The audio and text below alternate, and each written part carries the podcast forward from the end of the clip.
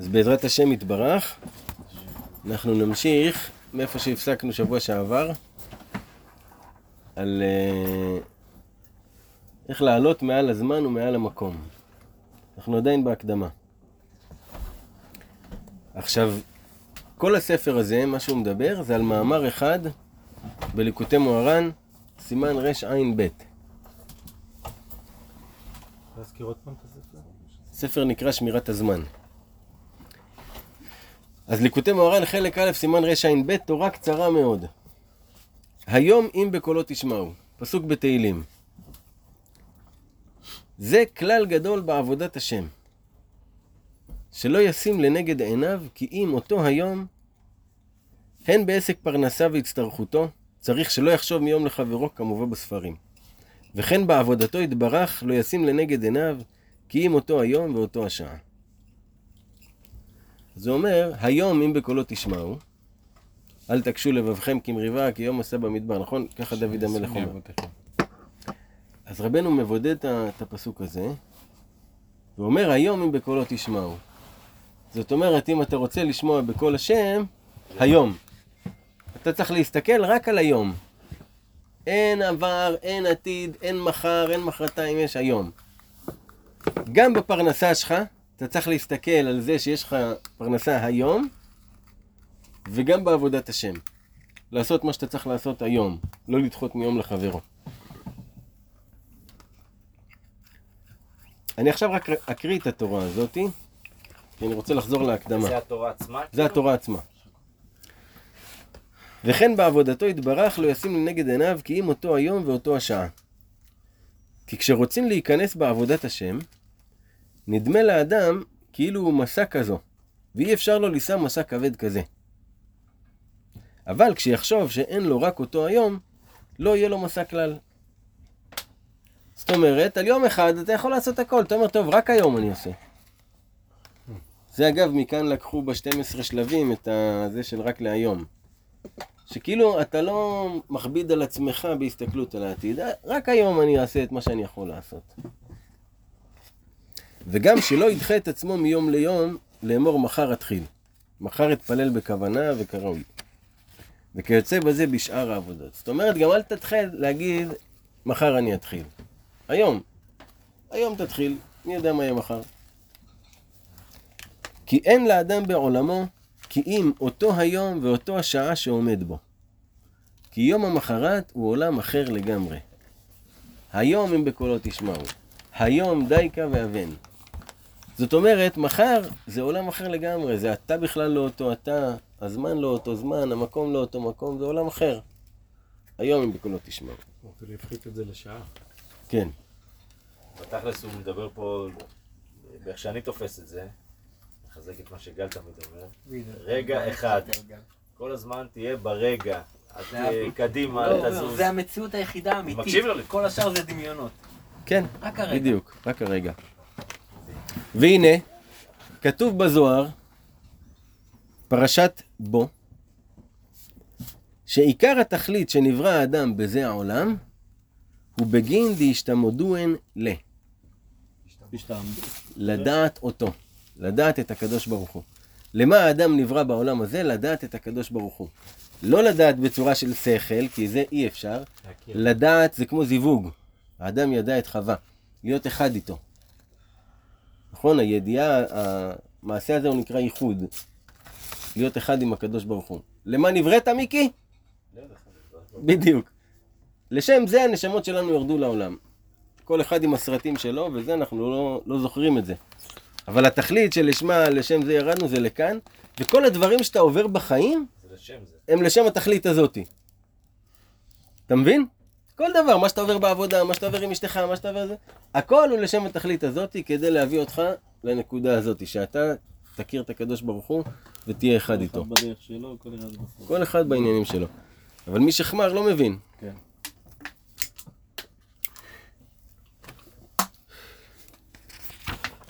והאדם, מובחר הבריאה, נשמות ישראל,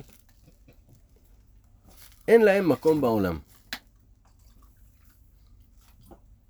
כמו שאנחנו רואים באמת, בגשמיות, שעם ישראל אין להם מקום בעולם, אין להם באמת מקום. הציונים כביכול אה, אמרו יש את מדינת ישראל, אבל עם ישראל כרגע בזמן הגלות אנחנו ללא מקום. וגם כשהיה בית המקדש, היינו ללא מקום, כי כל עם ישראל היו עולים לבית המקדש. זה היה אחד הניסים של ירושלים, שהיא יכלה להכיל את כל עם ישראל בתוך, בתוך הר הבית. והיו עומדים, אה, מרגישים אחד את השני, והיה להם מקום גם להשתחוות, פתאום היה רווחים. זאת אומרת, זה היה נמתח, בגלל זה ארץ ישראל נקראת ארץ הצבי. זה אחד השמות הנרדפים של ארץ ישראל, כי יכולה להימתח, כמה שיהיו בעזרת השם יהודים יותר, יכולה להימתח. אז רואים שהזמן והמקום הם... אה, עם ישראל הוא מעליהם, זאת אומרת, הם גמישים כלפיו, כלפי עם ישראל. גם רבנו אומר, עם ישראל בכל מקום שהם באים, הם הופכים את המקום לקדושת ארץ ישראל. עכשיו נגיד יש קהילה בלוס אנג'לס, אז המקום שלהם, של הקהילה, מה שיש להם, שהם הולכים לבית כנסת וכל הסיפור הזה, הוא קדוש כמו ארץ ישראל. למה? כי זה הכוח של עם ישראל, שהם מעל המקום, יכולים להביא מקום אחר למקום הזה. הבנת? אז רואים את זה ממש בחוש. ואם זוכה ועומד במדרגה זו על ידי מעשיו הטובים, אזי הוא מקומו של העולם ואין העולם מקומו. וכל המקומות משועבדים תחתיו. זאת אומרת, אם האדם עצמו כאינדיבידואל זוכה על ידי מעשיו הטובים, מה זה מעשיו הטובים? אדם, כל אדם, יש לו נטייה לאיזה מעשה טוב לעשות. נטיית הלב, הוא אוהב לעשות את המעשה הזה. מעשה טוב, כלשהו. מאז שהוא קטן, זה, הוא עשה את הדבר הזה. הוא, זה לעשות עבודת מחקר עם עצמך. הטוב הזה, שה, שהנטייה הטבעית שלך לעשות אותו, שם אתה צריך להתמקד. יש בך איזשהו טוב שאתה צריך להביא לעולם. וככל שאתה מתמקד על הטוב הזה שאתה צריך להביא לעולם, ככה יותר ויותר זה נקרא המעשים הטובים שלך ואתה מתעלה בנקודה שלך. כי החוכמה היא להתעלות בנקודה שלך ולזכך את הנקודה הזאת ולהאיר אותה ולהעלות אותה. ואזי כל המקומות משועבדים תחתיו. זאת אומרת, מבחינתו אין מקום. מה זה אומר שכל המקומות משועבדים תחתיו? נגיד, אם עכשיו אדם הוא אה, נמצא ב, ביוון והוא צריך אה, משהו מרומא, נגיד הוא צריך, אה, לא יודע, איזושהי חנות שנמצאת ברומא. אז הקדוש ברוך הוא מסובב סיבובים בשבילו שהדבר הזה מרומא יגיע עד אליו. זה הכוונה שהמקום משועבד תחתיו, שזה לא תלוי במקום, הוא לא יצטרך לנסוע עד המקום ההוא, אלא המקום ההוא יבוא אליו. הבנת? זה הכוונה. כי הוא יכול להעלות כל המקומות לבחינת למעלה מן המקום, שזה עיקר התכלית. הוא האדם? האדם, האדם... על ידי המעשים הטובים. על ידי המעשים הטובים שלו, שהוא מזדכך בהם.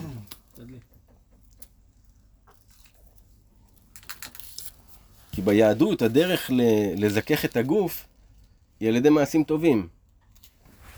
זה כמה שזה יפה היהדות. המעשים הטובים הופכים אותך לרוחני יותר, מזככים לך את הגוף, הופכים אותך להיות מעודן יותר. מעשים טובים בפשיטות. לעשות מעשה טוב.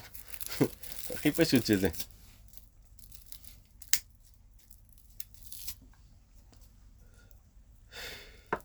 וזה בחינת יציאת מצרים. הרי עכשיו אנחנו בפרשת שבוע של השובבים.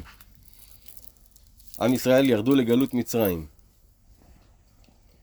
שגלות מצרים, תכף הוא יגיד מה זה, אבל יציאת מצרים, שאז נשאם השם יתברך על כנפי נשרים. וקרבם אליו, דהיינו שהגביהם למעלה מן המקום. זה הכוונה שהקדוש ברוך הוא נשא אותנו על כנפי נשרים. אתם זוכרים מה זה נשר? נשר יש לו חיי נצח, הוא חי את כל הדורות, כי הוא הוא כל הזמן עובר תהליך של התחדשות, הנשר. לכן על כנפי נשרים דייקה, כי הם אלה שנמצאים מעל הזמן, הם, מבחינתם אין זמן. לא, זה... גם נשר, אין שום בעל כנף שעף מעליו. ולכן כשאתה על כנפי נשרים, אתה הכי גבוה שיש, אין גבוה מעליך כביכול. כן. אז הקדוש ברוך הוא העלה אותנו מעל הזמן, מעל המקום. וכך הוציא אותנו ממצרים. כי זה עיקר יציאת מצרים, לצאת מן המצר והדוחק. שיציאת מצרים זה לצאת ממה שמצר לך ודוחק אותך. שזה בחינת המקום, שהוא תכלית הצמצום. כי הרי מה מצמצם אותנו ודוחק אותנו? המקום.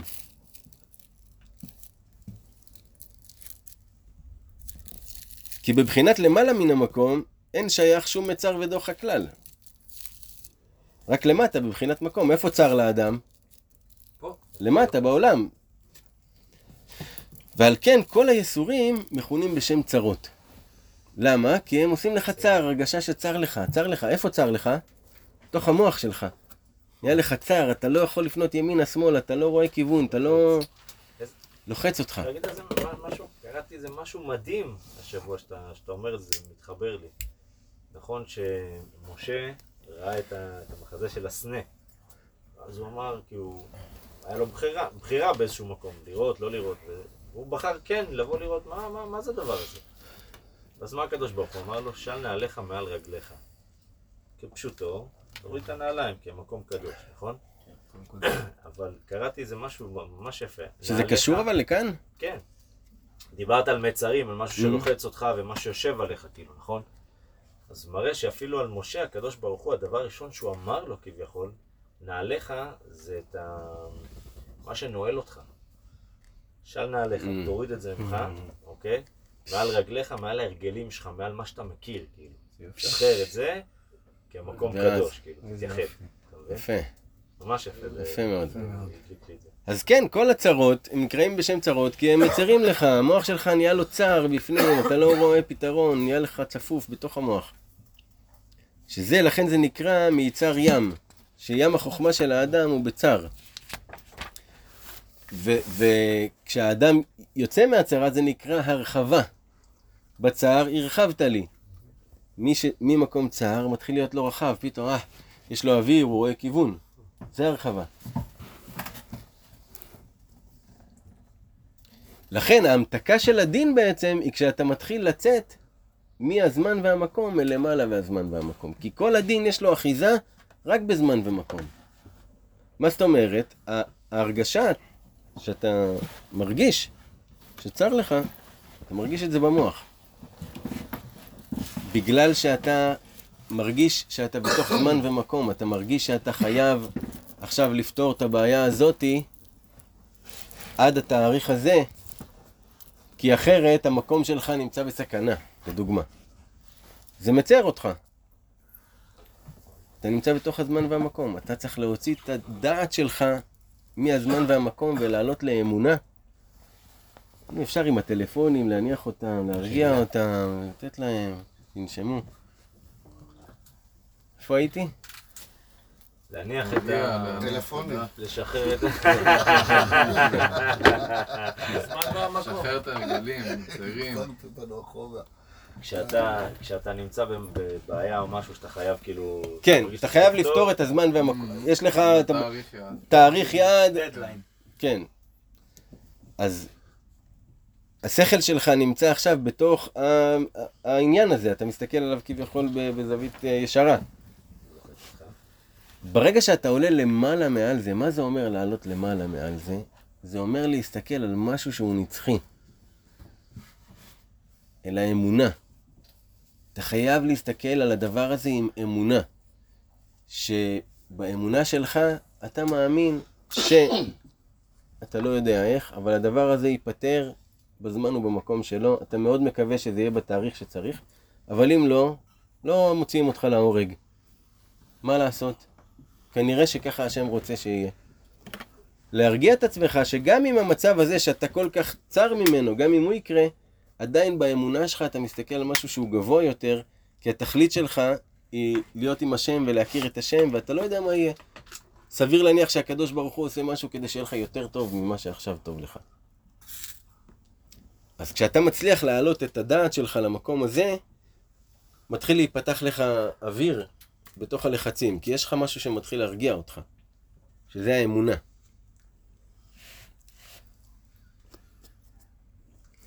וזה עיקר יציאת מצרים בכלליות ובפרטיות ובפרטי פרטיות. ממש. אצל כל אחד ואחד. מה זאת אומרת? הרי יציאת מצרים, אם ניקח את זה בכלליות, זאת אומרת במקרה הגשמי שקרה, עם ישראל היו בתוך מצרים. מצרים, למה היא נקראה מצרים? בגלל שהיא מצרה.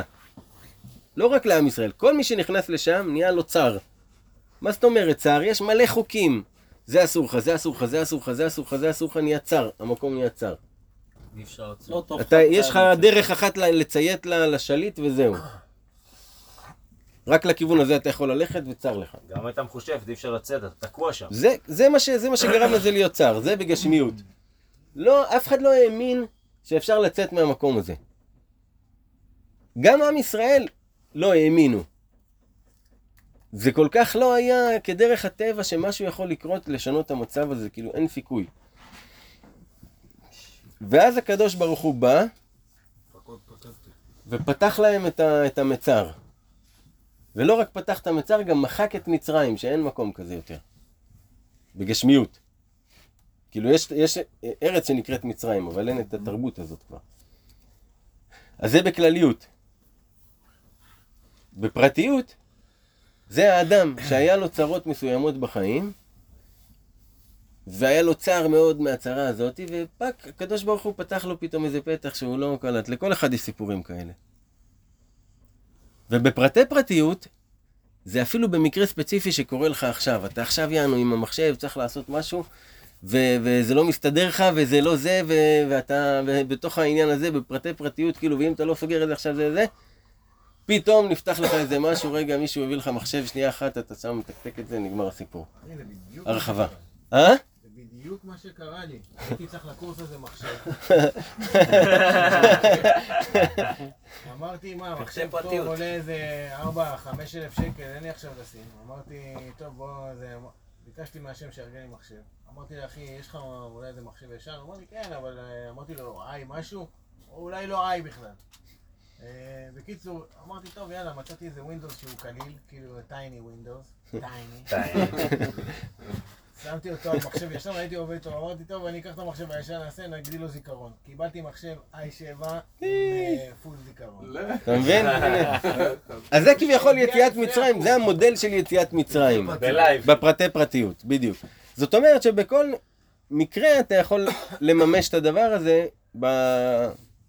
זה אפילו בקטנות. פרטי פרטיות פרטיות. כי הוא במוזיקה, הוא, זה פרטי פרטים שהוא כבר חווה, ועכשיו במחשב. כן, כן, כן, הביטים. כן. אז מה קורה במצב כזה? באותו רגע הייתה יציאה מהזמן והמקום.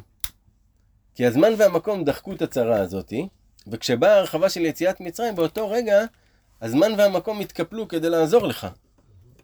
המקום, המחשב הזה הגיע ללירון, בזמן שהוא היה צריך אותו. יכול להגיע לו בעוד שבועיים. אז הזמן והמקום כביכול התקפלו עליו, זה מה שקרה באותו רגע. עכשיו, להרחיב את זה לדברים נרחבים יותר בחיים שלך, במודע לעשות את זה. כי כל העולם כולו, סליחה, על ידי שיוצאים מהזמן והמקום אל למעלה מהזמן והמקום, והוא על ידי ברור וזיכוך האמונה בראייה חושית, שאין בלעדיו יתברך כלל. כי כל העולם כולו הוא עצם עצמיות חיות אלוהותו יתברך. בבחינת והארץ האירה מכבודו. זאת אומרת, הדרך להגיע לשם על ידי ברור האמונה לכדי ראייה חושית. רגע, רגע, סליחה, לא אמרת לפני כן על ידי המעשים הטובים אתה מגיע על לבחינה? ידי המעשים הטובים אתה מזכך את הגוף שלך. אוקיי. אבל הדרך להגיע לכל העניין הזה זה על ידי אמונה. כי רק ככל שאתה תזכך את האמונה שלך, עד כדי שכל דבר שאתה תראה, אתה כל הזמן תכניס לעצמך, זה אותו אלוהות בלבוש הזה. מה שאני חווה מהדבר הזה, פשוט צורה אחרת של אלוהות שאני חווה. כל הזמן, בכל הפרטים להתחיל להכניס את זה, אתה תתחיל לראות אלוהות. תראה השגחה שקורה לך מול העיניים. אתה פשוט רואה את ההשגחה הזאת, דבר שהוא לא כדרך הטבע. אין, כאילו סטטיסטית לא יכול לקרות את הדבר הזה בשום סיכוי, פתאום הדבר הזה דווקא קורה. אתה רואה את זה בעיניים שלך. עושה שכל. אז ככל שאתה נמצא שם, ממילא אתה לא בזמן ובמקום. כי ממילא אתה משחק משחק אחר בכלל. אתה מבין? אתה נמצא באמונה. שאמונה היא מגרש שנמצא מעל הזמן והמקום. בגלל זה עיקר העניין הוא נקרא ברור וזיכוך האמונה. כבר דיברנו על זה. יש לנו את האמונה שקיבלנו, אמנת אמונה שקיבלנו בלב, חיזקנו אותה, אתה יודע, אמונה תמימה, פשוטה, מאמינים. אבל צריך לברר ולזכך את האמונה, זאת אומרת, הנקודה הטובה שנמצאת בליבו של כל אדם זה נקודת האמונה, זה המלכות. זה מה שנמצא באדם, שאותו הוא צריך לזכך אותה יותר ויותר ויותר ויותר עד שהאמונה תהיה זכה. אמונה זכה ומזוככת. ככה זה נקרא בספרי החסידות. ואז נוצר לאדם מצב של והארץ העירה מכבודו. כי בכל דבר הוא רואה את הקדוש ברוך הוא. איך הוא רואה את זה? לפי האמונה שהוא מאמין שהקדוש ברוך הוא נמצא בדבר הזה. אפשר לחדד את זה שנייה במשהו? כן. בעניין הזה של ה... שאתה מאמין שמשהו יגיע לך, יש הבדל בין מה שאתה רוצה למה שאתה צריך. לדוגמה, בן אדם יכול לרצות מלא דברים, אבל יש מה שהוא צריך. לדוגמה, הוא, הוא יכול לרצות הרבה נשים, אבל הוא צריך את האישה שלו. איך יודעים מה הוא צריך? זה כתוב בתורה שצ... שזה ככה. אז אתה יודע מה צריך. ברגע שאתה מאופס על מה צריך, הרמת אמונה שלך היא יותר חזקה. למה אתה אומר, אני צריך את זה, זה לא שאני עכשיו... הייתי צריך את המחשב. אבל אם סתם הייתי רוצה מחשב, לא יודע אם זה... זה היה מגיע. הכוונה? כוח הכוונה. אה, עכשיו, מה, מה התחיל את כל הבעיה? כשעם ישראל היו פה בארץ ישראל, והיה לנו בית מקדש, אז, אז היה התגלות האמונה בעולם. זאת אומרת, הקדוש ברוך הוא ממש שכן בבית הזה. וכל מי שרצה להגיע אל הקדוש ברוך הוא, היה עולה אל הבית הזה, כביכול עולה אל הבית בזמנים מסוימים, זה להגיע למקום מסוים בזמן מסוים, אבל שם, במקום הזה, הוא היה מתעלה אל למעלה מהזמן והמקום. הבנת? זאת אומרת, כל פעם שאדם היה רוצה לחוות את החוויה הזאת ולהיטען בזה, היה עולה לבית המקדש, ששם בית המקדש הוא מעל הזמן ומעל המקום, והוא נטען בזה. זה מה שהיה. אבל בעוונותינו הרבים, הווה מה דהווה, ונחרב בית מקדשנו.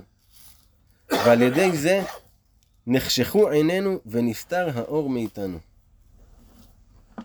כיוון שהקדוש ברוך הוא העלה את שכינתו למעלה, אז נהיה חושך. מה זאת אומרת נהיה חושך? שרואים יותר גשמיות. מה שאדם רואה זה הגשמיות, זה החושך, הוא לא רואה את האור שבתוך כל דבר.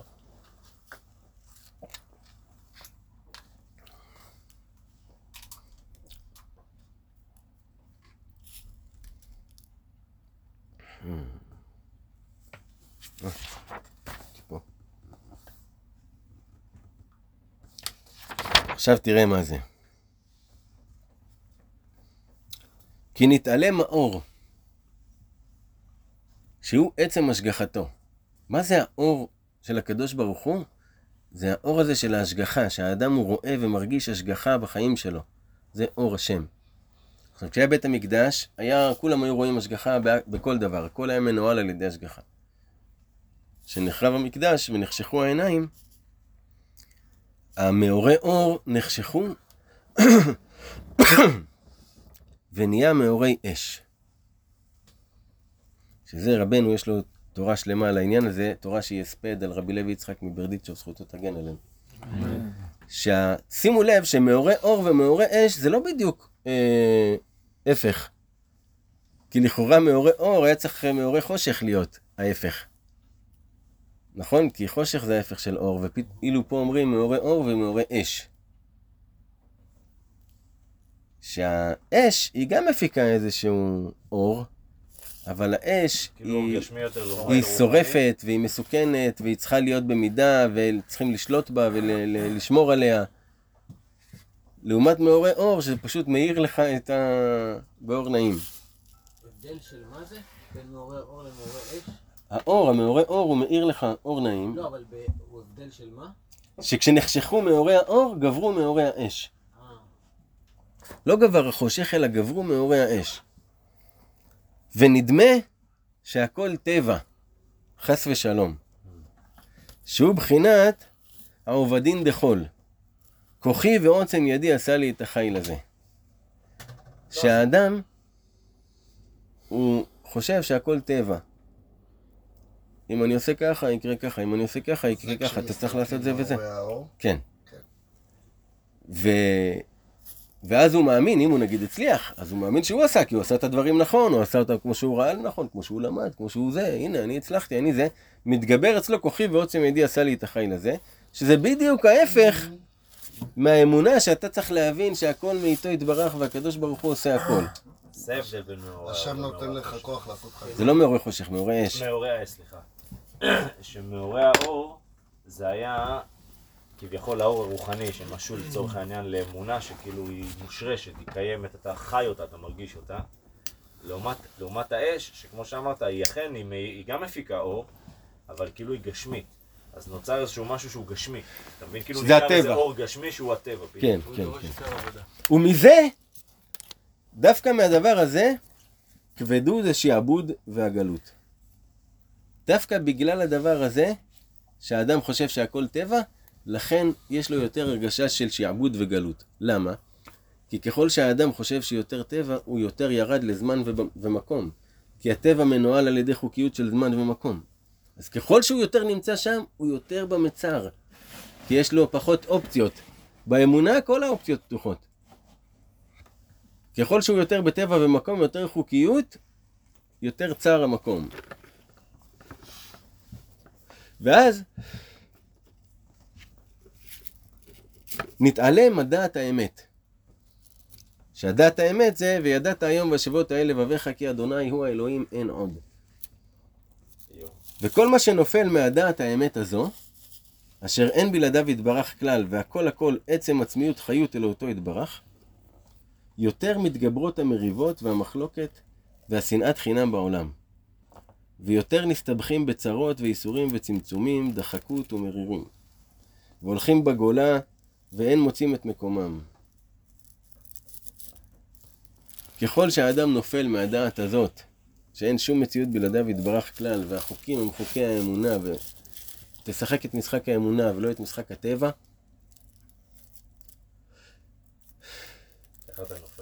ככל שהדעת הזאת נעלמת, התעלמה בעולם, זאת אומרת, אה, אנשים שוכחים מזה, ככלל, ככה יותר יש מריבות ומלחמות. כי כל המריבות והמלחמות הם על מקום ועל זמן. זה רוצה לכבוש את הזה, זה לקחת לי אז, בזמנו, אני רוצה להחזיר את זה. הכל זמן ומקום, מלא מלחמות. אותו דבר המלחמות הפרטיות בתוך אותו ארץ, אותו דבר בתוך הבית של הבן אדם. אותו דבר הבן אדם עם עצמו.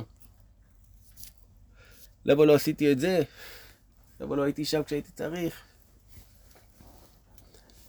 כי מאחר שנפלו תחת המקום והזמן, והתאוות והדמיונות שהם הקליפות מתפשטות מאוד מאוד בעולם, בפרט על ידי ספרי כפירות ואפיקורסות, שזה כל, אתם יכולים לאסוף את כל, כל הדעות שיש שהן לא קשורות לאמונה. כי כל הדעות שיש הן תחת המקום והזמן אם הן לא קשורות לאמונה. רק אם זה קשור לאמונה, אתה יכול לקחת את זה אל המקום שהוא למעלה מהמקום והזמן. אז עכשיו, כל כך התפשטו כל מיני דעות וחוכמות בעולם, שכל אחד יש לו את הדרך שלו והחוכמה שלו, וזה באמת חוכמות. אבל הן מנותקות מהאמונה. ואז זה לא עוזר. חלל פנוי. זה גורם לאדם שהוא יהיה ביותר מצר ודוחק. למה? כי נגיד שעכשיו הולך לפי, אדם הולך לפי איזה אידיאולוגיה. והוא נמצא בתוך צרה. עכשיו, צרה שלא קשורה לאידיאולוגיה שלו. אבל לפי איך שהוא רואה את הדברים, הדבר הזה נראה לו כצרה. אם הוא היה בהסתכלות אחרת על העולם, בהסתכלות של אמונה, הוא יכל לצאת מהצרה הזאתי. כי הוא היה רואה את זה בזווית אחרת וזה כבר לא צרה. אבל בגלל שהוא רואה את העולם מתוך אותה אתה לא חוכמה, יוצא מהצרה, אתה לא רואה אותה בכלל. כאילו, אתה לא לוקח אותה כצרה, איזה- אתה עולה מעליה. וגם היא נפתרת בסופו של דבר. נכון. צרה זה גם מלשון צר, כאילו. כן. כי עיקר מרירות הגלות הוא רק בזמן ובמקום. ומזה באות כל הקטטות והמריבות בין אדם לחברו. כי כל העולם מלא מחלוקת. הן בין אומות העולם, וכן בכל עיר ועיר, וכן בכל בית ובית. בין השכנים, וכל אחד עם אשתו ובני ביתו ומשרתיו ובניו. כל מקום יש מחלוקות. ואין מי שישים על ליבו התכלית, שבכל יום ויום האדם מת. כי היום שעבר לא יהיה עוד. ובכל יום הוא מתקרב למיתה. תחשוב, אם יש לך רק יום אחד לחיות בו, שזה מה שבאמת יש לך, אתה קם בבוקר, נותנים לך יום במתנה. זה מה שיש לך לחיות. זה החיים שלך בתכלס, היום הזה. אתה לא יודע מה יהיה. אתה לא יודע, אתה ממש לא יודע מה יהיה מחר. ולא רק זה גם, כל יום יש לך יום פחות בחיים, מה אתה יוצא מנקודת הנחה שאתה תחיה כמה שנים? ביום שבת נויה שאלה אותי, מה הדבר היחידי שיש לך שלא מתקצר בחיים? לא אותי לענות לה, אז היא אמרה לי, החיים שלך. שהוא לא מתקצר? הוא לא מתארך אולי? שזה לא... לא מתארך בחיים. כן, שלא מתארך כאילו. כן. כן, בדיוק ככה. זאת אומרת, האדם צריך להזכיר לעצמו שהוא קם בבוקר, יש לי מתנה יום, מה אני עושה עם היום הזה? איך אני ממקסם את היום הזה? למקסם את היום הזה זה לא אומר עכשיו להיכנס לאטרף וזה, וליפול לתוך המקום והזמן. לא, איך אני ממקסם אותו? לבזבז את כל הכסף. לא, זה ברור שלא. העניין הוא איך אני ממקסם אותו בבחינה שלי האישית, של ההתחלה, ההרגשה בתוך היום, הזרימה שלי בתוך זה, היעילות שלי בתוך זה, תוך כדי שאני בזרימה נעימה של אמונה. פתאום אתה קולט שאתה לאט לאט מתחיל להיות יעיל יותר, כשאתה בתוך זרימה של אמונה, ועדיין נעים לך. יותר נעים לך אפילו. זמן ומקום מתחילים להיטשטש, כן. דברים מגיעים. אבל רק ליום אחד, רק בכל יום אתה מתחיל את הסיפור מההתחלה, כמו הסרט הזה שהיה פעם, שכל בוקר הוא קם בבוקר והוא זה, אז כל בוקר אתה קם, יש לך יום, יום, איזה יום אני נמצא היום, איזה יום, איזה יופי. אתה מתחיל לעשות את המקסימום שלך בכל דבר שאתה עושה. כל דבר שאתה עושה, אתה אומר, אני נותן פה את המקסימום, מלוא הנוכחות שלי, מלוא התשומת לב. סבבה, אז אולי כמותית כביכול לא תספיק הרבה דברים בהתחלה, אבל פתאום אתה נכחת יותר, חיית יותר, כי כל רגע שאתה נוכח הוא רגע של חיים. אז ככל שאתה גונב יותר רגעים של נוכחות ביום, יש לך יותר חיים, צברת לעצמך. עד שאתה מגיע למצב של נוכחות מלאה. שתהיה בא בימים. כן. וחז"ל סיפרו שרבי יהושע בן לוי ראה את אליהו הנביא שעמד בפתח של המערה של רבי שמעון בר יוחאי. והוא בא, שאל את אליהו הנביא שעמד בפתח, שאל אותו, תגיד, מתי המשיח מגיע? אז אליהו הנביא אמר לו, לך תשאל אותו בעצמך. זאת אומרת שהוא היה עם אה, רבי שמעון בר יוחאי, או שזה היה רבי שמעון בר יוחאי בעצמו.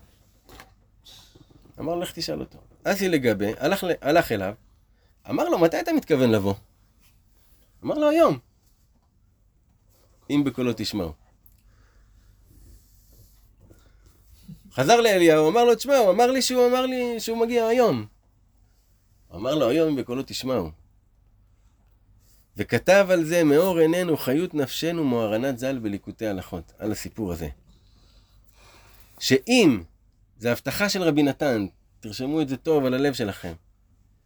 אם ירגיל האדם את עצמו, ללך עם הגילוי הנפלא שגילה רבנו ז"ל, בתורה הזאת שקראנו, שהעיקר הוא היום, ולא להתבלבל מהיום שעבר או מהיום שיבוא, אין לו רק היום הזה, אז יזכה להמשיך על עצמו הערת דעתו של משיח צדקנו, ויזכה שממנו לא יהיה עיכוב ביאתו.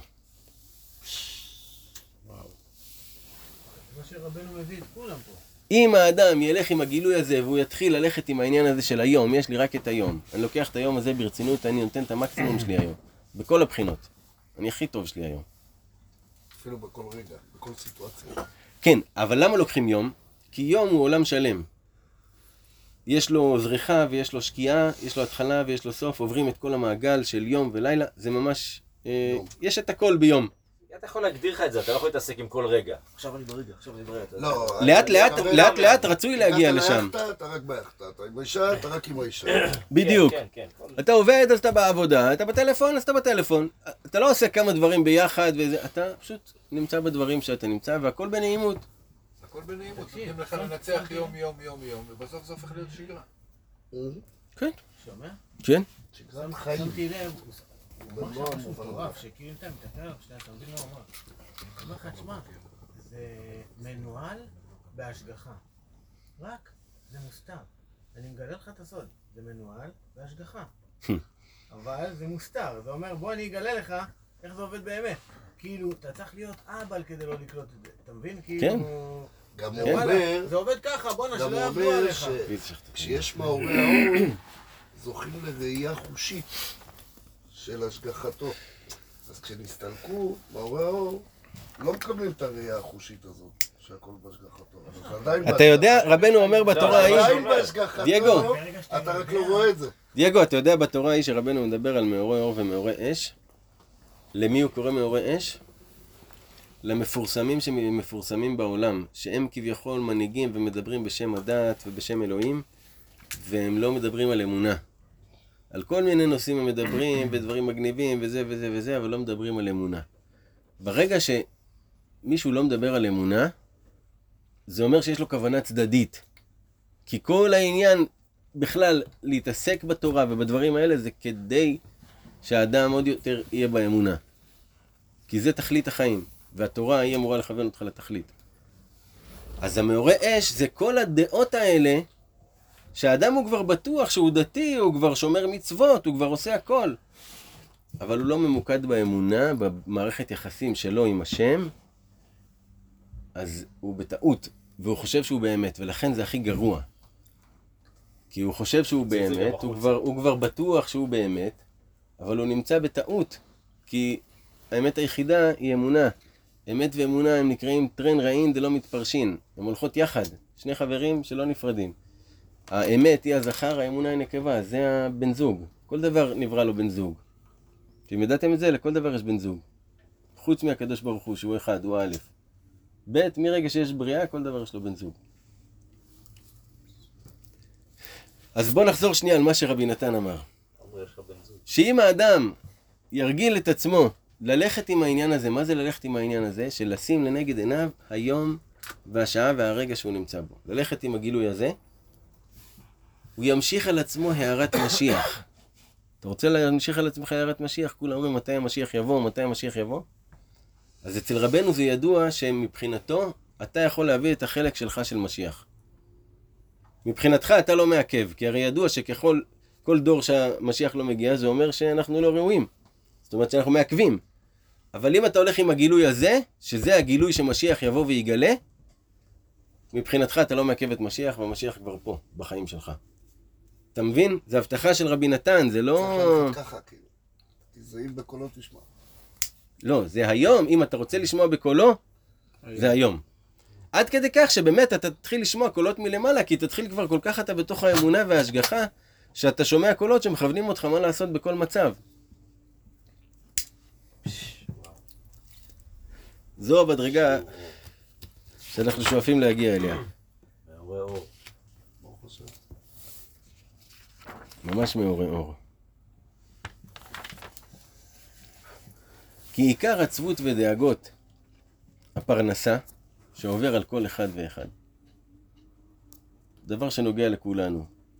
דאגות הפרנסה. ומחמת שאין לו ביטחון בהשם יתברך. כי עיקר פגם החיסרון של הביטחון נמשך רק מבחינת הזמן והמקום. זאת אומרת, למה האדם אין לו ביטחון בהשם יתברך? בגלל הזמן והמקום. זאת אומרת, אתה צריך בתאריך השני לחודש אלף שקל, ואתה אמור לקבל משכורת בעשירי לחודש, ורק אז יהיה לך את האלף שקל. מצר. בדיוק, אז למה אתה לא בוטח שיהיה לך את האלף שקל האלה? כי אתה אומר, רגע, בזמן זה אמור להגיע לי בעשירי לחודש. הטבע, בדיוק. אז לכן האדם נפגם לו הביטחון, כי בטבע זה לא מסתדר. זה מה שמפיל את הביטחון. גם אם אתה מאמין בטבע, זה יקרה בתאריך שזה אמור לקרות, כי זה לפי החוקים, ואם אתה מאמין באמונה, זה יכול לקרות היום בלילה, מישהו מתקשר, אומר לך קח אלף. בדיוק. כן. אז מאיפה מגיע הדאגות של הפרנסה? מפגם הביטחון. גם הם- פגם הביט- חוסר פגם באמונה. הביטחון, למה אתה זה? תמשיך, בסדר. אל תוריד לו את הביטחון. זה חוסר באמונה. ועיקר פגם וחסרון הביטחון נמשך מבחינת הזמן והמקום. כי באמת, השם יתברך משפיע שפעו הטוב תמיד בלי הפסק רגע. כל הזמן הקדוש ברוך הוא משפיע חיותו לעולם. רק כשהשפע בא בעולם הגשמי הזה, שנמצא בתוך זמן ומקום, אז גם השפע צריך להתלבש בזמן ומקום. זאת אומרת שאתה צריך להיות במקום מסוים, כדי שם לקבל את הכסף שלך. בזמן שתקבל את הכסף שלך. זאת אומרת, השפע של הקדוש ברוך הוא יורד כל הזמן, אבל בגלל שזה זמן ומקום, אין לך דרך אחרת, בזה. אין לך דרך אחרת לקבל את זה חוץ מבזמן ובמקום. בגלל זה אוכלים תסביכים כל הזמן על העניין של הפרנסה, כי, כי זה תלוי בזמן ומקום, לכאורה. אבל אם אתה עולה מעל הזמן והמקום בדעת שלך, אז גם הפרנסה שלך מתחילה לקבל צורה אחרת, שהיא ללא זמן ומקום.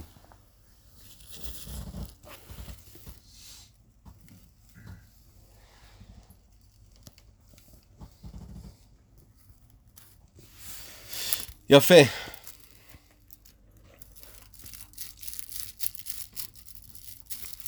ועל כן, כשהוא מאמין שהכל מלמעלה, על ידי זה נתקשר הזמן והמקום לבחינת למעלה מהזמן והמקום. ואז יש לו פרנסה בשפע.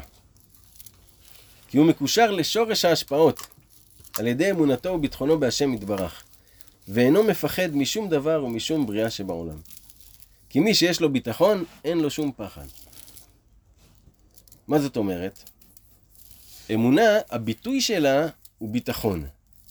שימו לב שבתוך המילה ביטחון יש גם את המילה ביטוי. זאת אומרת, איך אתה מבטא את עצמך בביטחון שלך. גם, גם אדם שבוחר לדבר, שהוא אומר דברים, הוא מבטא את עצמו בביטחון מסוים. לפי רמת הביטחון שלו, זה הדיבורים שלו. עכשיו, הביטוי של האמונה הוא שאתה תבטח. תבטח בקדוש ברוך הוא. תבטח שזה יהיה ושזה יסתדר. אל תתעקש שזה יהיה בצורה שאתה חושב שזה צריך להסתדר. תבטח שהדבר הזה יסתדר, בלי, ללא צורה, ללא זמן ומקום, אני יודע שהעניין הזה יסתדר. ביטחון, ביטחון, ביטחון. ואז הוא מקושר לשורש של ההשפעות. כי השורש של ההשפעות הוא מעל הזמן והמקום. הוא מטפס אל השורש הזה של למעלה מהזמן והמקום, ולוקח את ההשפעות משם. ואז הן באות לו בצורה שהיא מושגחת, כל מה שהוא צריך הוא מקבל. איך אמרת שאז הזמן והמקום משתעבדים אליו בעצם, הוא פשוט בדעת שונה. כן. פתאום עסקאות, פתאום זה. אז אה, עד כאן ההקדמה, אנחנו לא מפסיקים כאן את השיעור, אנחנו נחזיק עוד קצת, ניקח נשימה ארוכה, ואנחנו הולכים לצלול עכשיו לעוד משהו, שבאותו עניין, כי אני רוצה לשייך אותו להקדמה. לפני שאנחנו נתחיל את המאמרים, שזה בלי נדר יהיה בשבוע הבא. אבל עכשיו, אני רוצה לעבור לאיזה מאמר בליקוטי מוהר"ן, שלדעתי הוא קשור מאוד.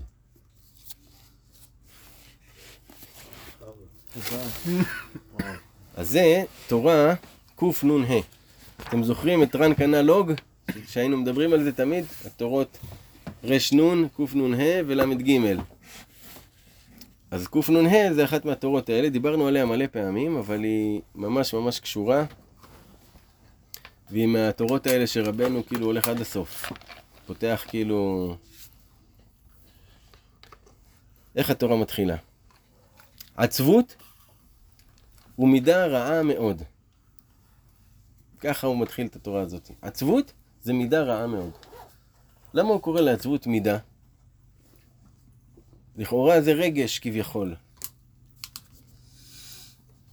העצבות היא מידה כי באדם חייבת להיות כמות מסוימת של עצבות, בגלל שהוא גם כן מורכב מיסוד העפר. אז אה, כשה, כשהמידת העפר מתגברת יתר על המידה, זאת אומרת, האדם הזה חווה עצבות, כי מידת העפר מתגברת בו. וזו מידה רעה. לא על הרבה דברים נאמר שהם מידה רעה. כי עצבות, רבנו אומר, זה כאילו שהוא בכעס על השם יתברך, כשאדם בעצבות. כי כאילו הוא מאמין ש, ש, שהמציאות אמורה להיות אחרת, הוא, הוא מאמין שזה צריך להיות אחרת ושלא עשו לו טוב. כאילו, הוא ממש הפוך לאמונה. אתה מבין? הוא מאמין שפגעו בו. בגלל זה הוא עצוב, אחרת למה אדם יהיה עצוב? החוויה של עצבות היא, זה, היא, היא נגזרת מזה שכאילו התנגדות למציאות שהוא פגוע מהמציאות. אז הדבר הזה הוא מידה רעה מאוד. אצל רבנו, העצבות היא כמעט ואין לה מקום. כמעט ואין לה מקום, רק במקומות שצריך על פי ההלכה להיות אה, עצוב, גם אז לעשות את זה רק מה שזה. זה המידה של עצבות, עד כדי כך הוא צמצם את זה. ואתה יכול לבחור שלא להיות עצוב. זה עבודה כמובן, כן? זה לא איזה דבר קל שאנחנו ככה שולפים אותו, אחי, תהיה שמח. יש כמה שונים 23 שעות בשמחה ושעה. בדיוק, זה כאילו נתנו נוטריקון. כן, אבל שברון לב זה לא עצבות. רבנו אמר ש... זה לתת לו מידה מאוד אה, מצומצמת. אה, אז עצבות היא מידה רעה מאוד. ומה שהאדם אינו נושא על הצדיק, הוא מחמת עצבות וכבדות. וכן, מה שאינו מתפלל כראוי, הוא גם כן מחמת עצבות ועצלות. איזה תכונות נוספו לנו כאן פתאום נגזרות של עצבות? עצבות וכבדות, מתחיל להרגיש כבדות, ואחר כך גם כן נוספה עצלות. לא בא לו לקום, לא בא לו לעשות. תראו כמה זה ההפך למה שאמרנו מקודם, שכשאדם יש לו רק יום אחד, אז הוא כולו רוצה למקסם את היום הזה, בא לו רק לעשות דברים. ואילו העצל, לא בא לו לעשות דברים, כבד לו עכשיו, הוא עצוב, עזוב אותי, אני עצוב, אין לי כוח. אם היה לך, לא לך, אם היה למישהו יום אחד לחיות, אתה יודע, ב- בידיעה, אתה יודע שזה היום האחרון שלך, אני לא חושב שהיית מבזבז אותו שנייה נכון, אחת נכון, נכון, עצוב. הוא היה ישר מחזק את היית עצמו. שמח ביום הזה עד כן, הסוף. כן, כן, חד משמעית. עכשיו, גם מה שהאדם אינו מתפלל כראוי, הוא מחמת עצבות ועצלות. מה זה שהאדם לא מתפלל כראוי? זאת אומרת שהלב שלו לא נמצא בתפילה. או שהוא לא מתפלל את, ה, את הכמות שהוא היה רוצה להתפלל. לא אומר לקדוש ברוך הוא את הדברים שהוא היה רוצה להגיד לו. אז הוא לא מתפלל כראוי. גם זה, למה האדם עכשיו לא אומר לקדוש ברוך הוא את מה שהוא רוצה להגיד לו? כי הוא מתעצל לפתוח את הפה. אז הוא רק במחשבה אומר את זה. הבנת? פשוט הוא מתעצל לפתוח את הפה. שים לב, כשאתה סתם בא לך ל... בלילה, אתה על המיטה כזה, אתה כאילו מדבר עם השם. למה אתה לא פותח את הפה ומדבר בקול? כי אתה מתעצל.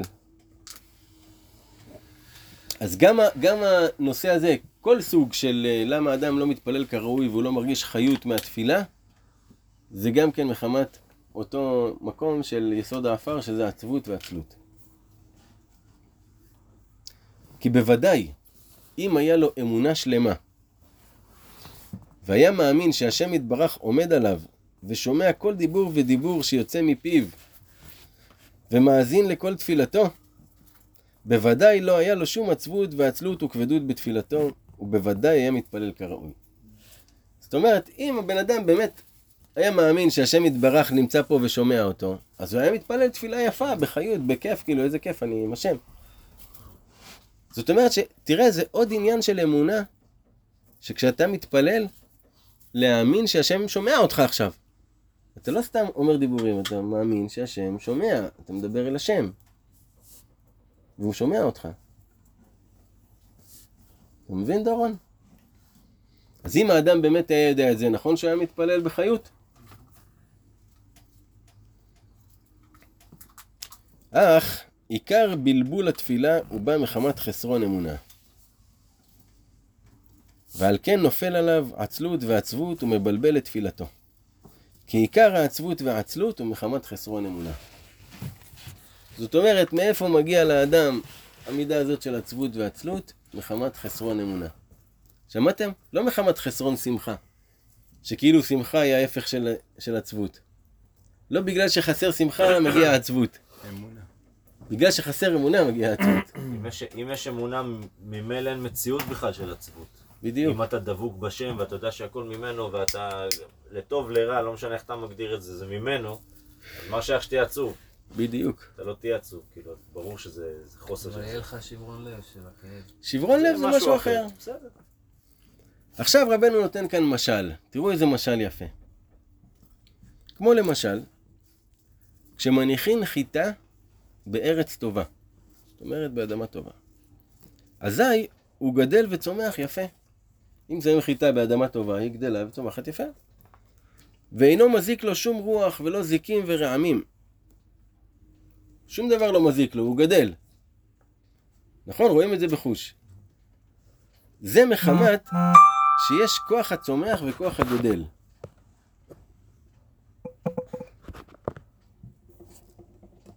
שבאדמה שהיא ארץ טובה, אדמה טובה, יש בתוכה אנרגיה, אתם איתי? בתוך אדמה טובה יש אנרגיה שהיא מגדלת, את מה שתשים בפנים היא תגדל, תשים חיטה היא תגדל אותו, תשים אה, אפונה היא תגדל אותו, בגלל שבה יש את הכוח הזה טמון, באדמה טובה. זה למה האדמה מגדלת לנו דברים, חברים. צריך להגיד לה תודה. תודה רבה. תודה רבה, אדמה. תודה אדמה. אז עכשיו כשהאדמה היא טובה, היא מגדלת את מה שאתה זורע שם. נכון? ולא מזיק לו שום דבר, לא רעמים, לא מה שיעבור עליו. למה? כי האדמה נותנת בו את הכוח של, ה... של ה... לגדול ולצמוח. אבל כשנותנים חיטה בארץ שאינה טובה לזריעה, אזי הוא נרקב בארץ, מחמת שאין לו כוח הצומח וכוח הגודל. האדמה הזאת היא לא טובה, אין, לה, אין בה את הכוח הזה כבר, השתמשו בו יותר מדי נגיד, אז מה שזרעו שם נרקב בתוך האדמה, היא לא הצליחה להצמיח אותו, אין לה מספיק כוח כדי להצמיח אותו. ואז הוא נרקב לגמרי וקלה ואבד.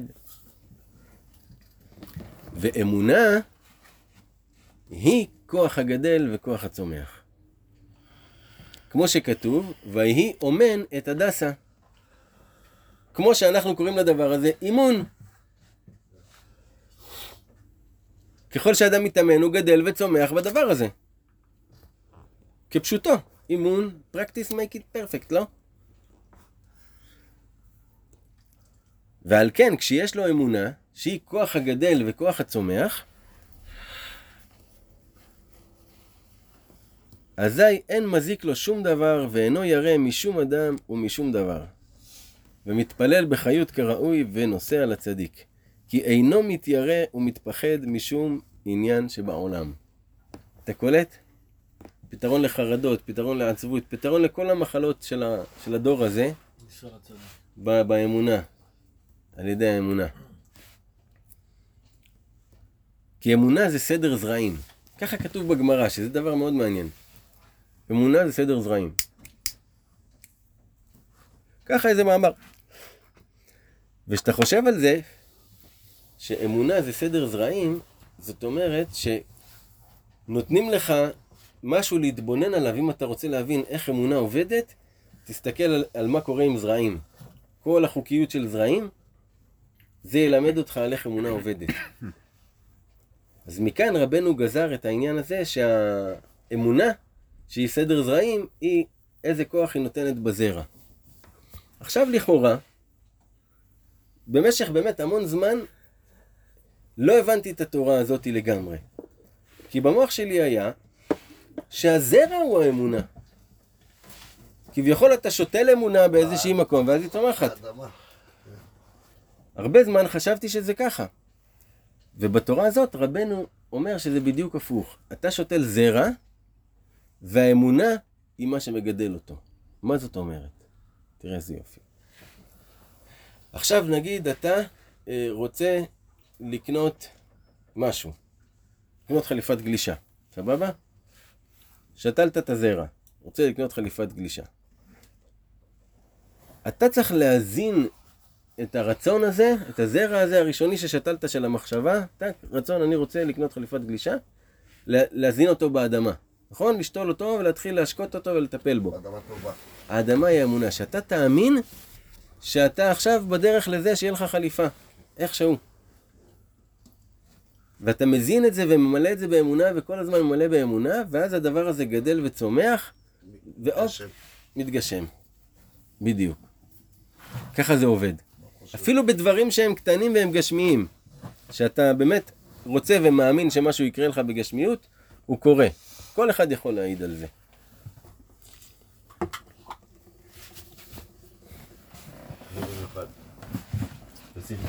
זה גם מחשבה מייצרת מציאות. זה אמונה מייצרת. האמונה היא לא מייצרת, אלא היא מגדלת זרע שאתה זורע. אותו כנ"ל דורון! אותו דבר, גם בדבר שלילי.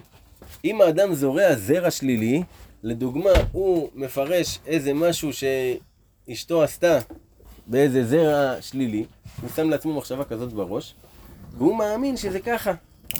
ככל שהוא מאמין שזה ככה, הוא יותר מגדל את הדבר הזה, וזה הופך להיות באמת ככה. אתה מבין? אז גם במחשבות שליליות שלך ופרשנויות שליליות על החיים, אל תזרע את הזרעים האלה. או אם זרעת, אל תיתן להם כוח הגדל והצומח בזה שתאמין בהם. אל תאמין בהם. כל הזמן תחזיר את עצמך לאמונה הקדושה.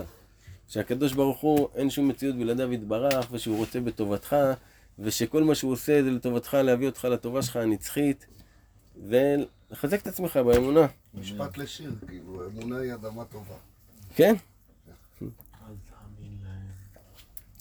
ואפילו אם זרקת כבר זרע לאדמה, אל תחיה אותו. כן, אם זה זרע לא טוב, אל תיתן לו אמונה. תשתמש באמונה לזרעים טובים. אפילו אתה רוצה משהו, טק, תזרע את הזרע הזה, תתחיל להאמין, להאמין, להאמין, להשקות, זה יקרה. כי אינו מתיירא, תראה איזה יופי, גם כל היראות והפחדים יורדים מהאדם הזה. למה? כי הוא משחק משחק אחר, הוא בכלל באמונה משחק המשחק שלו. כל מה שאתם עושים, זה בתוך המקום והזמן, אבל הוא נמצא למעלה מהמקום והזמן. יש משחק כזה, הוא רואה תמיד את השם לנגד עיניו. זורע באמונה, ומחכה לראות איך הוא מביא לך את זה. כי אתה יודע שזה יגיע. כן? אז, אז אתה כל היום זורק לו דברים, ואז מחכה לראות, ופתאום הוא מפתיע אותך ככה, ואתה אומר, יאללה, הייתי חושב על זה. אבל כשיש חיסרון באמונה, אזי אין לו כוח הגדל וכוח הצומח. כשאדם לא באמת מאמין ש, שהדבר הזה יקרה ושהשם יעשה את זה בשבילו ושהשם מקשיב לו לתפילה שלו וכשעכשיו הוא מבקש מהשם חליפה, לכאורה דבר שהוא אה, פשוט, הוא מאמין שבאמת השם מקשיב לו והשם עכשיו הולך לדאוג לו לחליפה איכשהו. אתה מבין? אם האדם לא עושה את זה, הוא לא מזין את עצמו באמונה הזאת, אלא. סתם הוא היה זרע את זה, אבל יאללה. אז הוא נרקב ממש כמו החיטה הנ"ל. הרעיון הולך ונרקב ולא גדל וצומח. פשוט מאוד. ועל כן יש לו עצבות ועצלות וכבדות, כי הוא נרקב ממש. העצבות והעצלות היא מכל הדברים האלה, מכל הזרעים שהאדם זרע ולא הזין אותם באמונה, הם מגבירים את הכוח השלילי של האדמה. וואו. ואז הם יוצרים לו יסוד העפר שעושה לו עצבות בתוך הגוף. מאורי האש מתגברים על מאורי האור? אפשר לומר. אבל הבנת? אבל איך אני יודע איזה זרע, איזה זרע לשתול ואיזה זרע לא לשתול? תשמע, אם זה זרע טוב, ושאתה רוצה שהוא יקרה, תשתול אותו ותתחיל להאמין ותתחיל להתפלל על זה ותאמין שהשם מקשיב לתפילה שלך וש... וככה אתה מזין אותו והוא יגדל. אבל אם זה זרע לא טוב, אז בלב אתה יודע. תוריד את האמונה ממנו, אל תאמין שזה ככה. לא שאתה כן, שהוא בלב. אתה יודע. יש דברים שאתה רוצה, אבל הם לא בהכרח טובים בשבילך. כן. אז זה יעיר בך. עכשיו תראו איזה יופי. שרבנו כאן מדבר על עוד פן של האמונה. זה בחינת ערך אפיים. זה בחינת ערך אפיים. דרך אגב, במשך, בשנים הראשונות שהיה לנו את השיעור הזה, הקבוצה הייתה נקראת ערך אפיים, על שם המאמר הזה. עד שזה התגלגל לנטולי חרטא אחרי כמה שנים. אבל זה היה ערך אפיים בהתחלה, עד כדי כך זה משמעותי המאמר הזה, בתפיסת האמונה. זה בחינת ערך אפיים. היינו, מה שאינו ירא משום דבר ואינו משגיח על שום ביטול ובלבול בעבודתו, רק עושה את שלו, זה בחינת ערך אפיים. זאת אומרת, אומר לך, זה שהבן אדם אה, לא מתבלבל משום דבר וממשיך בעבודתו והולך קדימה, זה בחינה של ערך אפיים. למה? ששום דבר לא מבלבל אותו. כי הוא נושם, הוא כל הזמן, כן, הוא. נושם, נושם, מעריך את נשימתו, מעריך את נשימתו, טק, טק, טק, פתאום הדברים אה, מסתדרים בלמעלה מהמקום והזמן, כי הוא, הוא נושם, הוא לא, הוא לא יורד אליהם. ממשיך לנשום, לקחת אוויר שישאיר אותו מלמעלה. לא בבלון שלו. הוא נושם. עוד אחד, מנפח את הבלון. שנה שעברה, בזמן הזה בדיוק למדנו על כוח המדמה. אז היה... אה, עליית מדרגה. לא נורא, אז אחר כך. כן, לא לא. בואו נמשיך.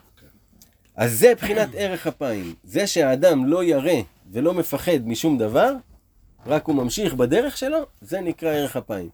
כי על ידי שהוא לוקח עוד נשימות, הוא מצליח להמשיך, הוא לא נופל אל תוך הזמן והמקום. לא נותן למציאות לנהל אותו. שאין שום דבר יכול לבלבל אותו, כי לא אכפת לו שום דבר. שמעתם? רבנו כותב את זה שחור על גבי לבן. כי לא אכפת לו שום דבר. רק עושה את שלו בעבודתו את השם יתברך. לא אכפת לו שום דבר. מה זאת אומרת עכשיו? כל מי ששומע את המשפט הזה אומר, מה שלא אכפת לו שום דבר, מה לא אכפת לך מזה, מה לא אכפת לך מזה, לא אכפת לך מהילדים, מה לא אכפת לך... לא יכול להיות שלא אכפת לך מדברים. נכון? הכי הגיוני, אתה אומר, אין מצב שלא אכפת לי מדברים. כאילו, אכפת לי מזה ומזה ומזה. אבל זה לא ישן לך את הקצב של האנשים. האמת היא שבלב יש חדרים, ויש כמו גלדי בצל, מה שנקרא. חדרים חיצוניים וחדרים פנימיים. אז רמת האכפתיות שלך בלב, זאת אומרת, זה כמה אתה מכניס את זה ללב, זה המשמעות המילה אכפת, כמה נכנס לך ללב. דברים. או שהם כאילו משפיעים לך על ההרגשה. זה, כשמשהו נכנס לך ללב, ההשפעה שלו זה ההשפעה שלו על ההרגשה שלך. אז איזה כמות דברים משפיעים לך על הלב. ככל שאכפת לך מיותר דברים, יותר דברים משפיעים לך על הלב. זה משוואה מדויקת. עכשיו, אתה צריך לדייק את עצמך על הדברים, על כמות הדברים שבכלל אתה רוצה שיהיה לך אכפת, ובאיזה מדרגת אכפתיות לשים כל אחד מהם. אז יש לך חדר חיצוני שהוא על הדברים שאתה צריך לעשות אותם אתה צריך לעשות אותם, אבל לא באמת אכפת לך, כאילו, אם זה לא יסתדר, לא באמת אכפת לך. זה מדרגה הכי, הכי חיצונית. ככה זה מתקדם לדברים שבאמת אכפת לך מהם, עד שזה מגיע לדברים יותר פנימיים, משפחה, ילדים, העסק שלך, הכבוד שלך, הדברים האלה שאכפת לך מהם. ובפנים יש את החדר הפנימי, הדברים שהם באמת בתוך הלב שלך, שבמהות שלך. עבודת השם. הנקודה הפנימית הזאת שבאמת אכפת לך דברים שבאמת נוגעים לך בנפש, היא צריכה להיות ריקה. כלום לא צריך להיות שם. חלל. ליבי חלל בקרבי. זאת אומרת, בנקודה הפנימית שלך, אין שום דבר שנוגע. כי זה הנקודה הפנימית שלך, זה מהות הנשמה שלך, אסור שדברים ייגעו בה. אתה, אם אתה נותן שמשהו ייגע בה, אתה כאילו מקטין אותה לכדי הדבר הזה. אתה צריך שיהיה חלל שם, כי שם מתגלה האין סוף. שם האמונה מתגלה, עד כמה שאתה תוכל להאמין ולדמיין את הקדוש ברוך הוא כאין סוף, זה לפי החלל שיש לך בלב. לכל אחד לפו מה דמשאר בליבה. ככה רבנו אומר. שגדולת השם יתברך, כמה גדול השם? לפי המידה של הלב שלך. עכשיו אם האדם בתוך הלב שלו, הנקודה הפנימית, יש דברים שתופסים לו את זה, אין השם, כאילו זה, יש לו חושך איבד את שם. עצמו. הוא איבד את עצמו. וזה מדובר על הדברים שנראים לכם הכי רגישים, אישה, ילדים, כל הדברים הכי רגישים, בתוך פנימיות הלב שלך, אפילו הדברים האלה אתה חייב שיהיה לך חלל, כי מה שצריך להיות אכפת שם, זה התכלית. הנקודת האמונה היא שורה שם, היא צריכה להיות חלל, ליבי חלל בקרבי. כמובן שזה עבודה, אבל אחת העבודות הראשוניות והבסיסיות, והיא גם סוג של שיעורי בית, למי שיהיה רציני פה מבינינו, להתחיל לעשות סדר בדברים שאכפת לי מהם, שבאמת נוגעים לי בלב, ולמקם, לנסות למקם כל אחד ברמת האכפתיות. ואם אחד מנסה לזלוג טיפה יותר קדימה, להגיד לו, רגע, סבבה, אני אכפת לי ממך, אבל לא עד כדי כך אכפת לי ממך. לא לתת לדברים שישתלטו לך על הלב. אל תיעלב, אבל לא ממש אכפת לי. אה? אל תיעלב, אבל לא ממש אכפת לי. כן. עכשיו, זה מתבטא שהאדם לא מתבלבל מדברים, דברים לא משפיעים עליו. הוא ממשיך בדרך שלו, יש לו את הדרך שלו. יש סערות של החיים, מזיזות טיפה ימינה, דברים קורים, דברים זה, אבל הוא ממשיך באותה הדרך. אתה מבין? מבחינתו זאת הדרך, הוא הולך בדרך שלו. מה זה משנה עכשיו שיש זיקים ורעמים ודברים עוברים עליי? זה... כאילו, אין לאן לסטות, כי יש לי רק דרך אחת. הדרך של כל אחד כמובן ועצמו, שהוא צריך למצוא את הדרך הזאת, כן? אבל הדרך הזו היא דרך אמונה, בחרתי. אם האדם הולך עם האמונה, נמצא שהוא הולך בדרך שלו. והיא הדרך שלו. אתה מבין? אז אם האדם עכשיו מנסה ללכת בדרך, אבל כל איזה זעזוע שיש לו, מטלטל אותו, אז הוא לא מצליח להתקדם, זה מסיט אותו מהדרך שלו. זה שהוא מתגבר, והוא לוקח עוד נשימה, זאת ההתגברות. וזהו גיבור הכובש את יצרו, ומושל ברוחו מלוכד עיר. מושל ברוחו. שהוא מעריך את אפו. הרוח של האדם עכשיו ש... ש... שהוא נדלק שהוא עצבני, לבוא ולתקוף. כי היא רוח קצרה. אדם יענו נהיה לו נשימות כאלה קצרות שהוא מתעצבן. פתאום ערך אפיים הוא לא פועל מתוך המקום הזה. אז הדברים לא מסיתים אותו. באה הסערה, הוא נושם אותה. נושם את הסערה. זה בחינת ערך אפיים. כי ערך אפיים הוא תלוי בבחינת אמונה.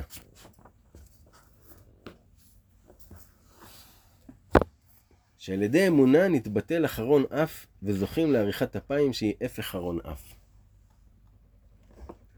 אחרון אף זה שנהיה אה, לו קצר, הנשימה קצרה, נהיה לו קצר המקום, נהיה לו. קצר הזמן. קצר. שימו לב שבקצר יש גם צר בפנים. אתה מבין? ובארוך יש רוך. נכון. יש פה זה. היינו שזוכה על ידי אמונה לעריכת אפיים, שיעריך אפו על כל דבר בלבול ומניעה שעובר עליו בתפילתו ועבודתו. שיסבול הכל, ולא יתעצב ולא יתעצל על ידי זה כלל. רק יעצור רוחו, ולא יהיה אכפת לו כלל. ויעשה את שלו בעבודתו, ויעבור על הכל, ולא יחוש על כל הבלבולים והמניעות כלל. שכל זה הוא בחינת ערך אפיים שזוכים על ידי אמונה, שהוא בחינת כוח הגדל וכוח הצומח. כי על ידי זה הוא גדל וצומח ומצליח בעבודתו. ולא יוכל שום דבר לבלבלו ולהפילו בעצבות ועצלות. רק יעשה את שלו בזריזות ושמחה. שים לב, מיקי.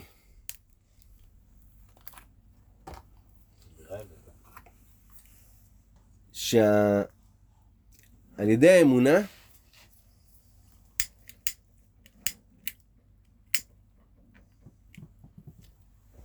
הוא עובר על הכל. כתוב, אברהם אבינו נקרא אברהם העברי, שכל העולם מעבר אחד והוא היה מעבר השני, נכון? אבל עוד סיבה שהוא נקרא אברהם העברי, מחמת שהוא עבר ודילג על כל הקושיות שיש בכוח האמונה. והאמין בשם ויחשביה לא צדקה, הוא הראשון שהאמין בשם. הוא המציא את האמונה. על ידי אמונה אתה מדלג מעל הזמן והמקום עד הנקודה שאתה רוצה להגיע. אתה לא יודע איך הדרך שזה יקרה בזמן ובמקום, אני לא יודע כי אני לא שם בכלל, זה לא ענייני לדאוג לזה. אני מתעסק בשורשים, בשורש ההשפעות, אני שמה אני פועל באמונה. אתה מבין? ואז אתה מדלג מעבר לעבר, זה אברהם העברי.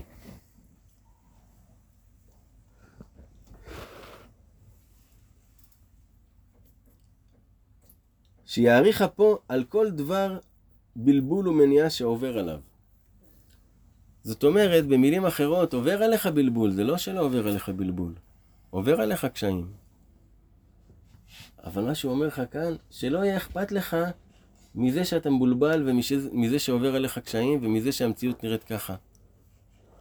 הבנת? זה לא שהמציאות שונה, פשוט שלא יהיה אכפת לך. למה?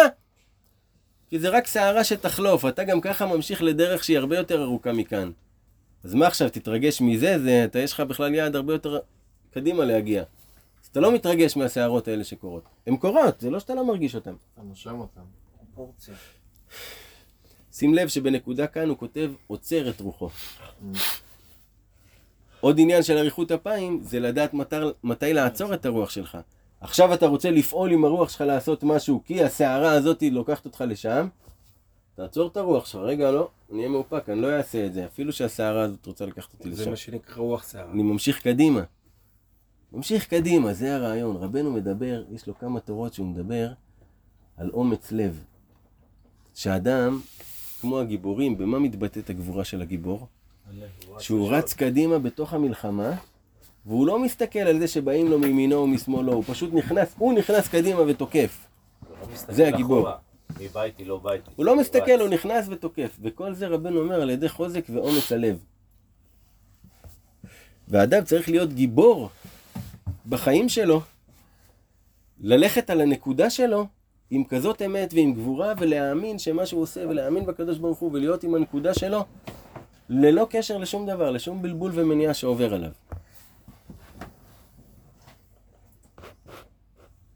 שיסבול הכל. זאת אומרת שיעברו עליך דברים. הרי ברסלב, למה נקרא ברסלב? כי זה סבל רב.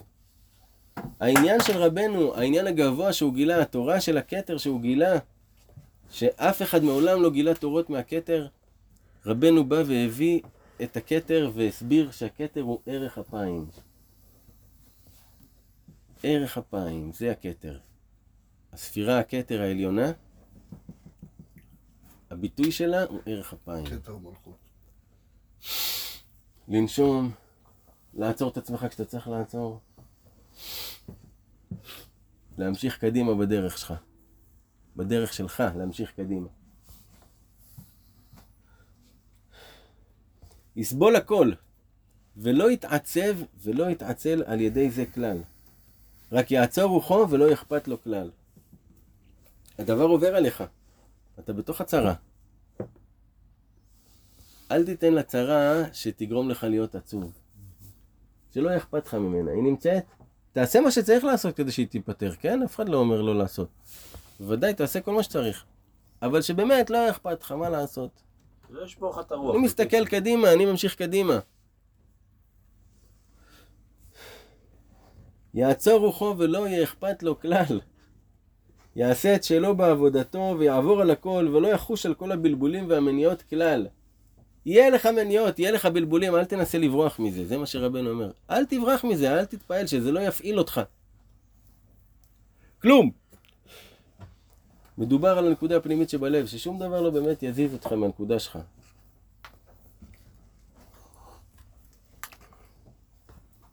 שכל זהו בחינת ערך אפיים שזוכים על ידי אמונה שהוא בחינת כוח הגדל וכוח הצומח. פה רבנו מביא את הביטוי של האמונה, איך הוא מגדיל ומצמיח אותך.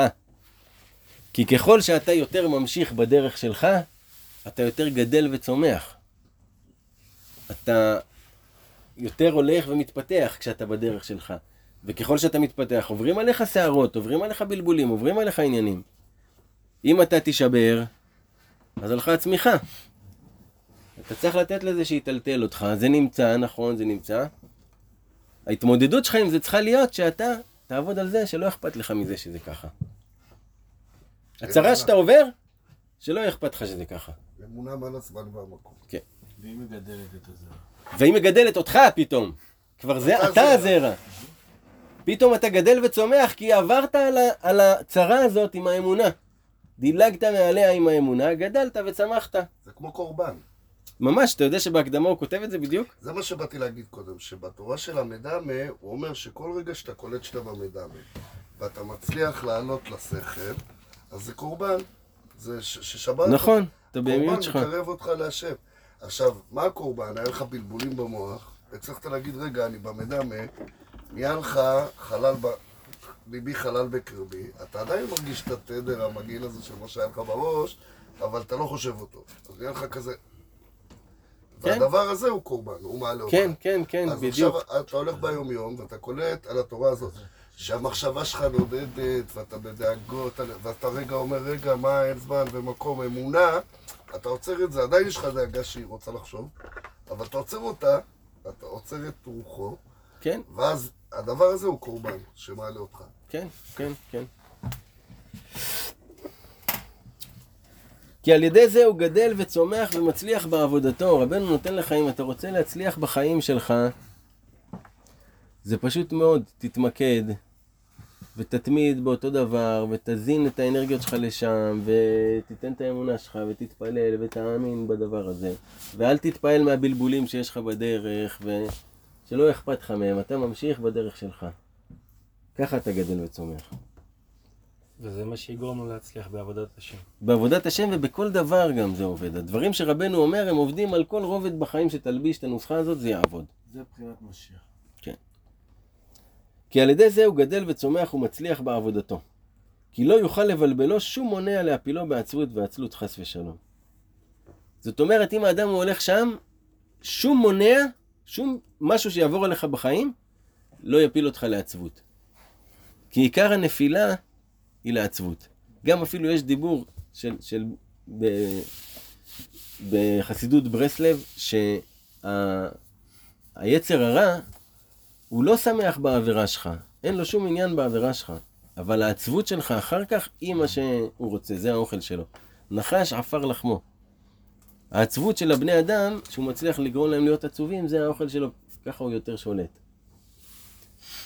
אז עכשיו, כשאדם הולך בדרך הזאת של האמונה, שהנגזרת שלה, תזכרו את המשפט הזה, לא אכפת לי כלל. הביטוי שלה היא שלא יהיה אכפת לך, כי אתה מאמין. כי אם אכפת לך, זאת אומרת שבנקודה שאכפת לך, אין אמונה שם. זה לא חלל.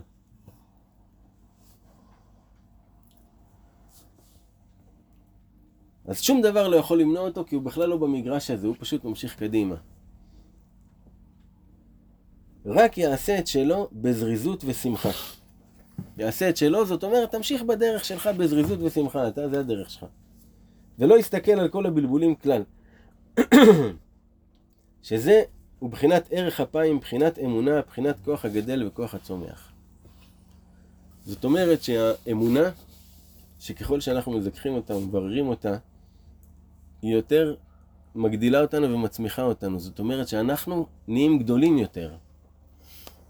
לא פיזית, אלא במעלה הרוחנית שלנו אנחנו נהיים גדולים יותר, ככל שהאמונה שלנו גדלה, ככל שאנחנו הולכים בדרכים האלה, אנחנו גדלים וצומחים אל התכלית שלנו.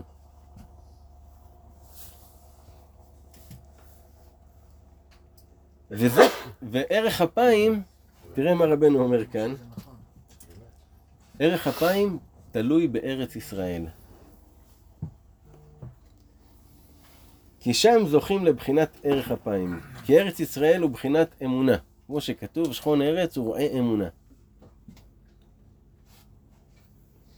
שידוע שכל כל ארץ, כל מקום בעולם, יש בו אוויר, שהוא, האנרגיה שלו היא מניעה לאיזשהו משהו. לאחד מהשבעים אה, מידות. וארץ ישראל, האוויר שלה הוא אוויר של אמונה, שמי שנמצא שם, הוא נושם אמונה. זה לא תלוי בו בכלל, זה עצם זה שהוא נמצא פיזית בארץ ישראל. כמו שאמרו חז"ל, כל הדר בארץ ישראל דומה כמי שיש לו אלוה. זאת אומרת, כל מי שגר בארץ ישראל כבר יש לו אמונה, כאילו יש לו אלוהים. ועל ידי אמונה זוכים לערך אפיים. אז אם כך, כדי להגיע לערך אפיים, צריך אמונה. ואמונה מקבלים בארץ ישראל, שנושמים את האוויר של ארץ ישראל. בגלל זה רבנו רצה להגיע לארץ ישראל. וברגע שרבנו דרך על אדמת ארץ ישראל והלך דלת אמות, הוא אמר לתלמיד שלו, מבחינתי אנחנו יכולים לחזור, אני כבר קיבלתי מה שהייתי צריך.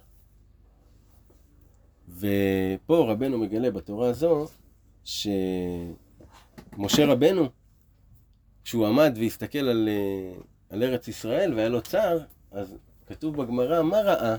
מה הוא ראה שהוא מצטער? ערך אפיים ראה. שמשה רבנו כסף להגיע לארץ ישראל כדי לזכות לבחינה הזאת של ערך אפיים. שאפשר לזכות לה רק בארץ ישראל. ואנחנו, ברוך השם, נולדנו פה בארץ ישראל. נשמות שנולדו בארץ ישראל, על האדמה הזאת, נושמים את האוויר הזה מאז שנולדנו. האמונה היא בדם.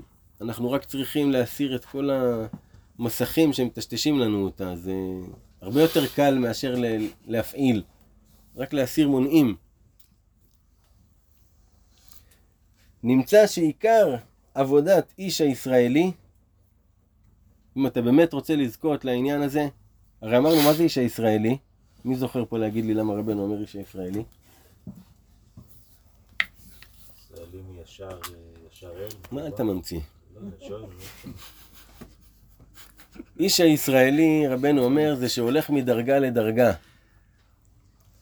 זה שהולך מדרגה לדרגה, שהוא מעניין אותו בחיים להתקדם ב- ברוחניות שלו, להתקדם באמונה שלו, והוא הולך מדרגה לדרגה בתורה כ"ה שאנחנו מכירים, שהוא הולך השם. בדרך, כן, הוא הולך בדרך להגיע אל השם, מדרגה לדרגה.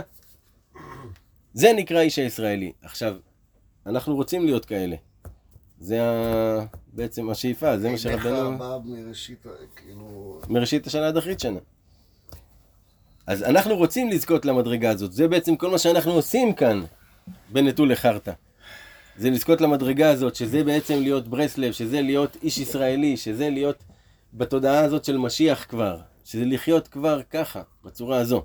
עכשיו, מי שרוצה ללכת בדרך הזו, אז עיקר העבודה שלו, של איש הישראלי, זוכים על ידי ארץ ישראל, שזה אנחנו הנשמות שכאן. שהוא בחינת אמונה, בחינת עריכת אפיים, בחינת כוח הגדל וכוח הצומח. שבשביל לזכות באמת להיות איש ישראלי וללכת מדרגה לדרגה, זה על ידי הבחינה הזאת.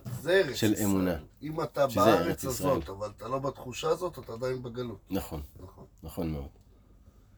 שעל ידי זה זוכים להתחזק בעבודתו ולבלי להסתכל על שום מונע ומעכב ומבלבל. כי לא אכפת לך, אתה מבין? זה מאוד חשוב הנקודה הזאת שלא יהיה לך אכפת.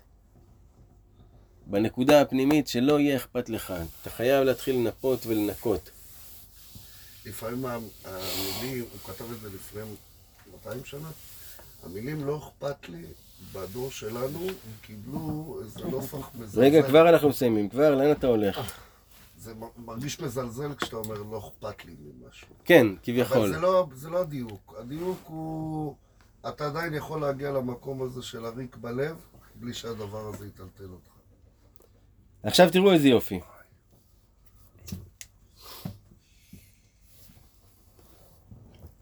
וצריך כל אדם לבקש מהשם יתברך שיהיה לו כיסופים וגעגועים לארץ ישראל. וגם שיהיה געגועים לכל הצדיקים לארץ ישראל. והוא סגולה לכעס ועצבות. אז הוא אומר לך, הסגולה כנגד כעס ועצבות, זה להתפלל השם יתברך שאתה תחשוף לארץ ישראל. אפילו שאתה גר כאן, שאתה תחשוף להרגיש את ההרגשה הזאת של ארץ ישראל, של הערך אפיים, זה סגולה לכעס ועצבות. זאת אומרת, אם אתה תעשה את הדבר הזה, אתה תנצל מכעס ועצבות. וזה למה אנחנו לפני קריאת שמע, שזה כאילו ייחוד האמונה, מה אנחנו אומרים? יוליכנו קוממיות לארצנו, שאנחנו מבקשים שיוליך אותנו לארץ ישראל, ושם יבוא ביטוי האמונה. זאת אומרת, שאנחנו אנחנו זכינו, ברוך השם, שאנחנו פה בארץ ישראל, נושמים את האוויר הזה, אבל צריכים לבקש להרגיש מה זה האוויר הזה של ערך אפיים, שיעזור לנו בצמיחה ובגדילה שלנו. הרי אה, צמח שהוא גדל, הוא צריך גם אה, אוויר ו- ואור, נכון?